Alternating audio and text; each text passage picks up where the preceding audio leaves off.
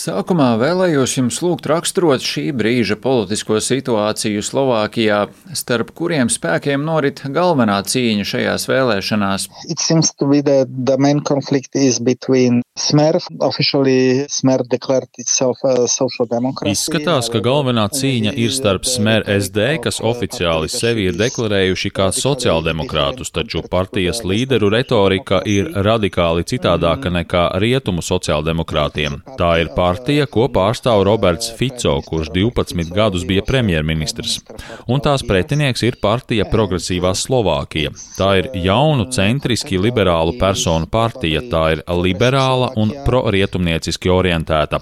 Fico ir mainījis savu pro-eiropeisko un pro-rietumniecisko retoriku uz prokrievisku un anti-Ukrainas retoriku. Šis pagrieziens jau ir bijis atklāti redzams kopš 2018. gada apparent already since 2018. Kādēļ Roberta Fico retorika ir tik krasi mainījusies? So, uh, why? Probably because the voters of uh, Robert Fico are uh, very often um, pro-Russian oriented. Kādēļ? And, uh, Droši vien tādēļ, ka Roberta Fico vēlētāji bieži ir prokrieviski orientēti.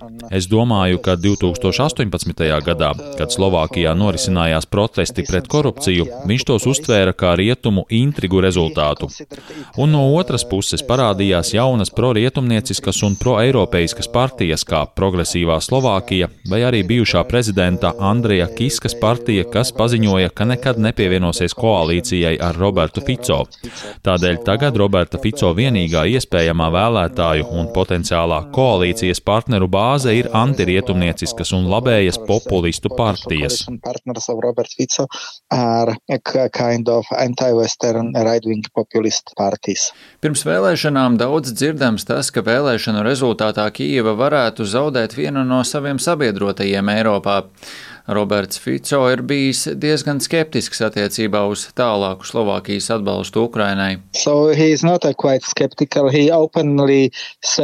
Nevarētu teikt, ka viņš ir tikai skeptisks, jo viņš atklāti ir pateicis, ka nekāda militārā atbalsta Ukrainai nebūs, tikai humanitārais atbalsts un šāda veida retorika ir līdzīga Ungārijas premjera Viktora Orbāna retorikai. Uh, ja Robertam Fico kā nākamajam potenciālajam premjeram būs jāvada Slovākijas valdība, kāda būs patiesā Slovākijas politika attiecībā pret Ukrainu Vai tiešām tā būs tik radikāla, vai Fico izteikumi ir vienkārši priekšvēlēšanu retorika? So, of course, I am not an insider, so I cannot say the detail forecast, but uh, Es neesmu pietuvināts šim procesam, un man ir grūti izteikt prognozes, bet tas noteikti būs atkarīgs no paša Roberta Fico un politiskajiem partneriem. Bet es domāju, ka tagad viņa fons ir citādāks nekā pirms 2018. vai 2020. gada. Protams, ir novērojams, ka Ukraina dod asas atbildes uz radikālu retoriku tās virzienā, un tas varētu novest pie attiecību pasliktināšanās starp abām valstīm. Jā, un vēl ir arī šis strīds par Ukrainas graudu importa ierobežojumiem. Tas gan šķietami vismaz ar Slovākiju ir atrisināts. To be, to be, to be resolved, course, you know, uh, Šķiet, ka šis strīds ir atrisināts, bet ir skaidrs, ka gan Slovākijā, gan Polijā šī problēma parādījās diezgan sensitīvā laikā pirms vēlēšanām. Arī Polijā pēc trīs nedēļām būs parlamenta vēlēšanas, un, protams, dažas politiskās partijas arī Polijā izmanto anti-Ukrainas retoriku. Tātad es domāju, ka ja nebūs šīs problēmas ar graudiem, ir iespējams, ka parādīsies kāda cita problēma. Nevaru konkrēti apgalvot, ka šī problēma ar graudiem tika izmantota arī Slovākijā priekšvēlēšanu retorikā, taču Fico piesauc citas problēmas. Un, piemēram, viņa partijas priekšsēdētāja vietnieks Ļubošs Blaha ir teicis, ka Slovākija sniedz palīdzību tikai Ukrainai, bet nesniedz to Slovākijai. Tas ir plaši izplatīts, un šī ir retorika, kas izskan jau kopš pirmajiem mēnešiem, kad sākās karš. Vai no citiem Slovākijas partneriem ir jaušams satraukums par iespējamo nākamo valdību, vai ir bažas par to, ka Roberts Fico var kļūt par Ungārijas premjera Viktora Orbāna sabiedroto? Yes, uh,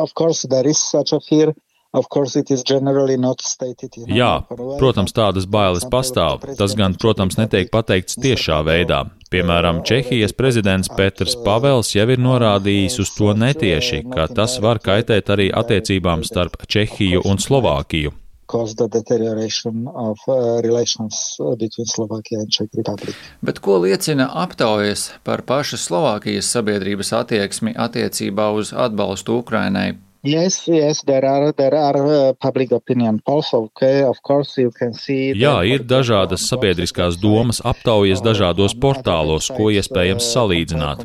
Arī Ungārijas premjeras Viktors Orbāns sabiedrībā ir ļoti populārs, un ir arī sabiedriskās domas aptaujas, kuras liecina par to, ka liela daļa Slovākijas sabiedrības vaino Ukrainu vai rietumus kā atbildīgus par karu Ukrainā. Cik grūts galu galā var izrādīties nākamās valdības veidošanas process, ņemot vērā, ka aptaujas liecina par diezgan sīvu konkurenci?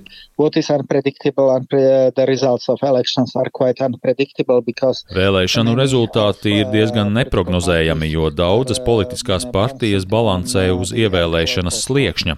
Tātad šī ir galvenā problēma, ka pašlaik izskatās, ka daudzas partijas balansē ap 5% vai 6% vēlētāju balsu, kas nozīmē, ka šīs partijas varētu neiekļūt parlamentā.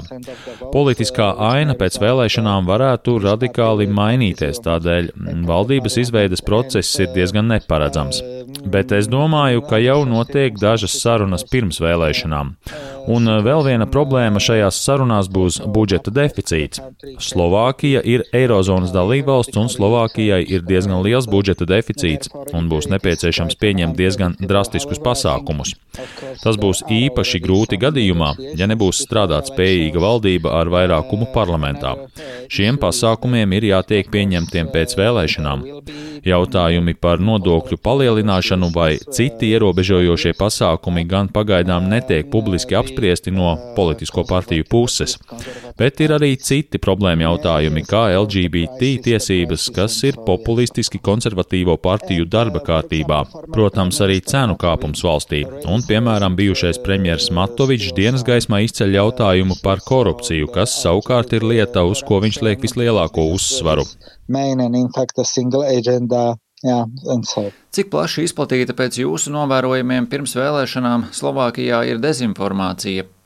Yes, of course, of course, yes, es domāju, ka jā, tā noteikti ir plaši izplatīta, jo šīs nostājas anti-Ukrainas un prokrieviskās nostājas ir populāras, bet es nevaru apgalvot, ka šī dezinformācija nāk tieši no Krievijas, jo man tam nav pierādījumu.